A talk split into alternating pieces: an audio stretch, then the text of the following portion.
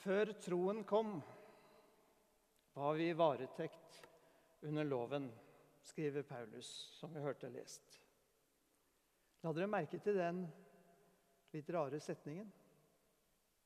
Før troen kom. Hva mener han med det?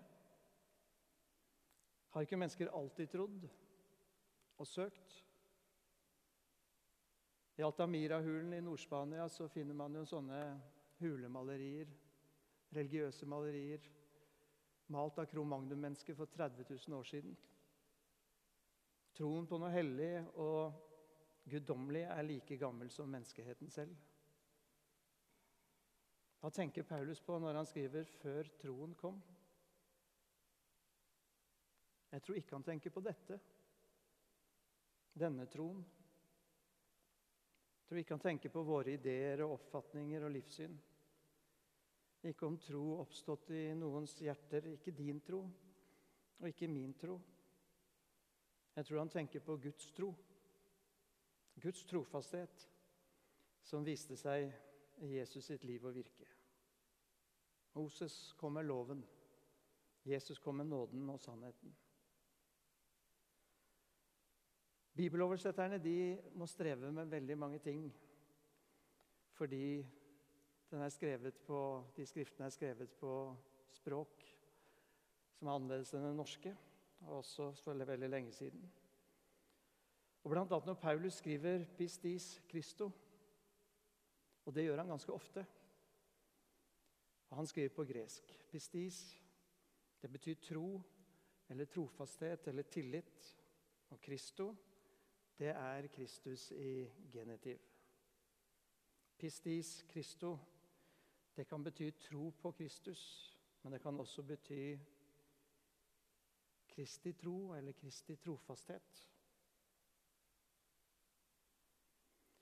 Nå kunne jeg lagt ut om grammatikken i det, men det er bare fordi jeg har lest meg til det, og det er egentlig ganske kjedelig. Men forskjellen er ganske stor på hvordan man oversetter dette uttrykket. Er det vår tro på Jesus, eller er det Jesus sin trofasthet det handler om? Det er uklart mange steder i Nytestamentet nettopp det, denne formuleringen. Bare tenk hvor mange ganger det står 'ved tro på Jesus' i Det nye testamentet. Det kan godt tenkes at Paulus bruker dette litt ulikt. Men her, i denne sammenhengen, så tenker jeg det er ganske tydelig at han snakker om Jesus sin tro, en trofasthet. Guds trofasthet som viser seg i Jesus sitt liv og gjerning. Han snakker om troen som kom. Så er det kjørt med grammatikk og gresk. Men jeg tror vi trenger denne bevisstgjøringen. Jeg trengte det. Da jeg som ung teologistudent bar på veldig mye ansvar, for jeg skulle bære troen på Jesus på mine egne skuldre ut i verden. Og gjennom teologien så møtte jeg en Gud som på en måte sa Hvem tror du at du er, da? Og som ikke hadde til hensikt å betro meg dette enorme ansvaret. Jeg kunne ikke bære annet enn et kors, kanskje. Men ikke troen, ikke oppstandelsen, ikke vekten av Guds rike. Den bærer Gud selv. Og det var en befriende nedgradering. En ro og en trygghet som ga meg større glede og energi i livet som kristen. For jeg, i likhet med mange av dere, har vokst opp i en kristendomsform som har hatt et, ja, et overdrevent fokus på individets tro og overbevisning. Troen alene har vi tenkt og lært. Men troen har blitt ensom. Og Mange forlater menigheter og kristne sammenhenger fordi de ikke finner denne troen sterk nok i seg selv. Problemet er bare at troen ikke først og fremst er inni oss, men hos Kristus. Jeg tror vi kristne mister energi og glede og fred hvis fokuset retter seg for mye på vår tro min tro eller manglende tro, i stedet for å hvile i Jesu tro og trofasthet. Før den ble åpenbart, så var vi i varetekt, skriver Paulus. Innestengt. Helt til den tro som skulle komme, ble åpenbart. Nå er troen kommet, skriver han. Og Derfor må han juble når han skriver det. Dere er alle Guds barn ved troen i Kristus Jesus. Alle dere som er døpt til Kristus, har kledd dere i Kristus. Her er ikke jøde eller greker, slave eller fri, mann og kvinne. Dere er alle én i Jesus Kristus. Så legger han til og hører dere Kristus til, ja, da er dere Abrahams ett og arvinger etter løftet. Paulus hadde vokst opp som jøde. Han hadde utdanna seg som jødisk lærer, eller rabbi på hebraisk, eller guru på indisk. Han hadde vokst opp i tillit til at jødene var utvalgt av Gud. De levde ikke etter loven for å bli utvalgt. De levde etter den fordi de var utvalgt.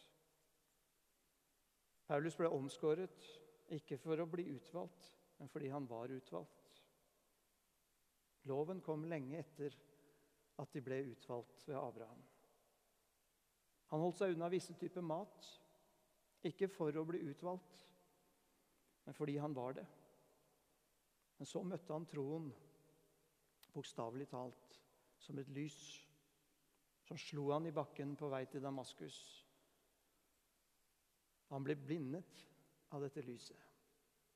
Men én ting så han veldig klart det var at troen hadde kommet.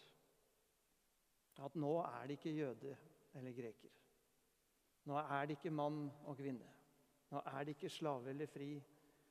Nå er alle ett i Jesus Kristus. På grunn av Jesu trofasthet er vi alle barn. Guds barn.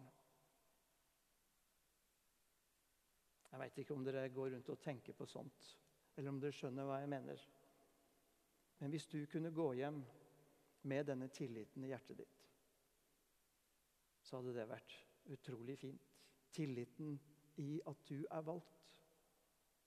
Ikke på bakgrunn av din etnisitet, ikke på grunn av din moral, ikke av din spiritualitet, ikke av din vandel, ikke av din trofasthet, men av Jesu trofasthet.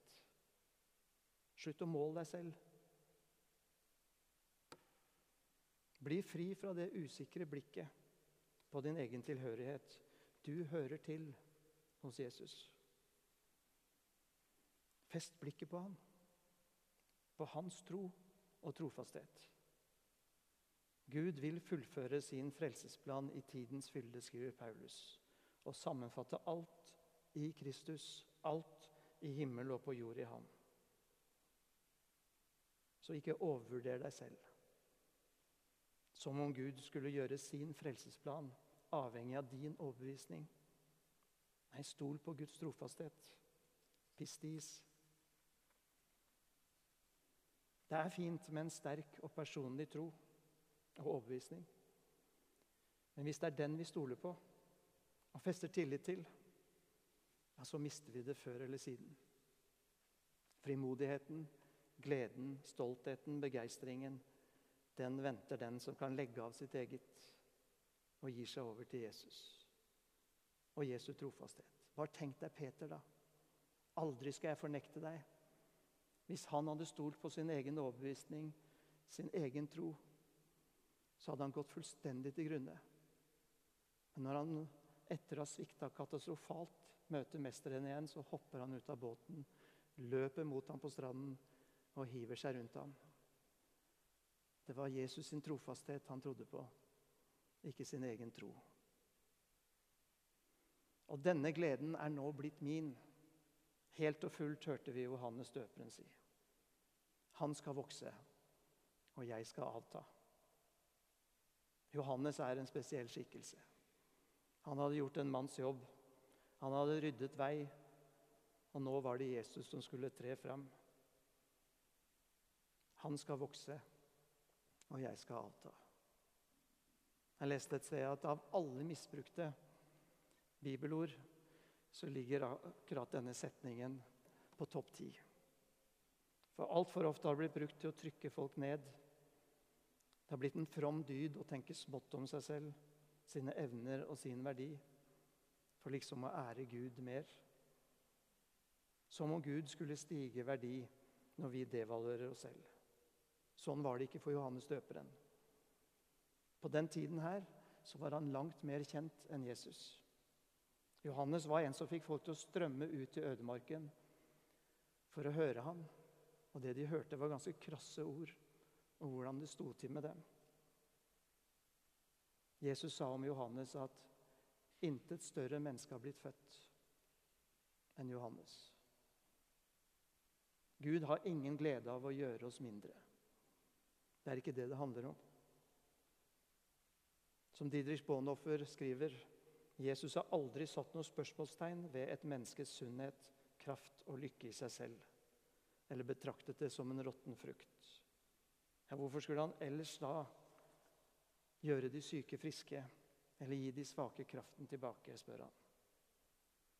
Men det var jo fordi han reiste opp mennesker som hadde glemt hvem de var, som hadde blitt tilsidesatt eller blitt gjort usynlig. Han ga dem stemme og rettet ryggen deres og gjorde dem til Guds vitner. Jesus gjorde mennesker større. Selv det lille barnet holdt han fram og sa, 'Dette er den største i Guds rike'. Nei, vi skal ikke tenke mindre om oss selv, men kanskje mindre på oss selv. Iallfall når det gjelder troens liv. Gjøre som de vise menn som søkte stedet hvor Jesus ble født, på et jordgulv i en krybbe. Der fant de det sanne mennesket. Der fant de seg selv. Der finner vi oss selv. Gjøre som kvinnene og mennene som fulgte etter Jesus. Og se hva han gjør. Hvordan han møter mennesker. Der finner vi kjærlighet, medfølelse. Der finner vi hva vi er kalt til.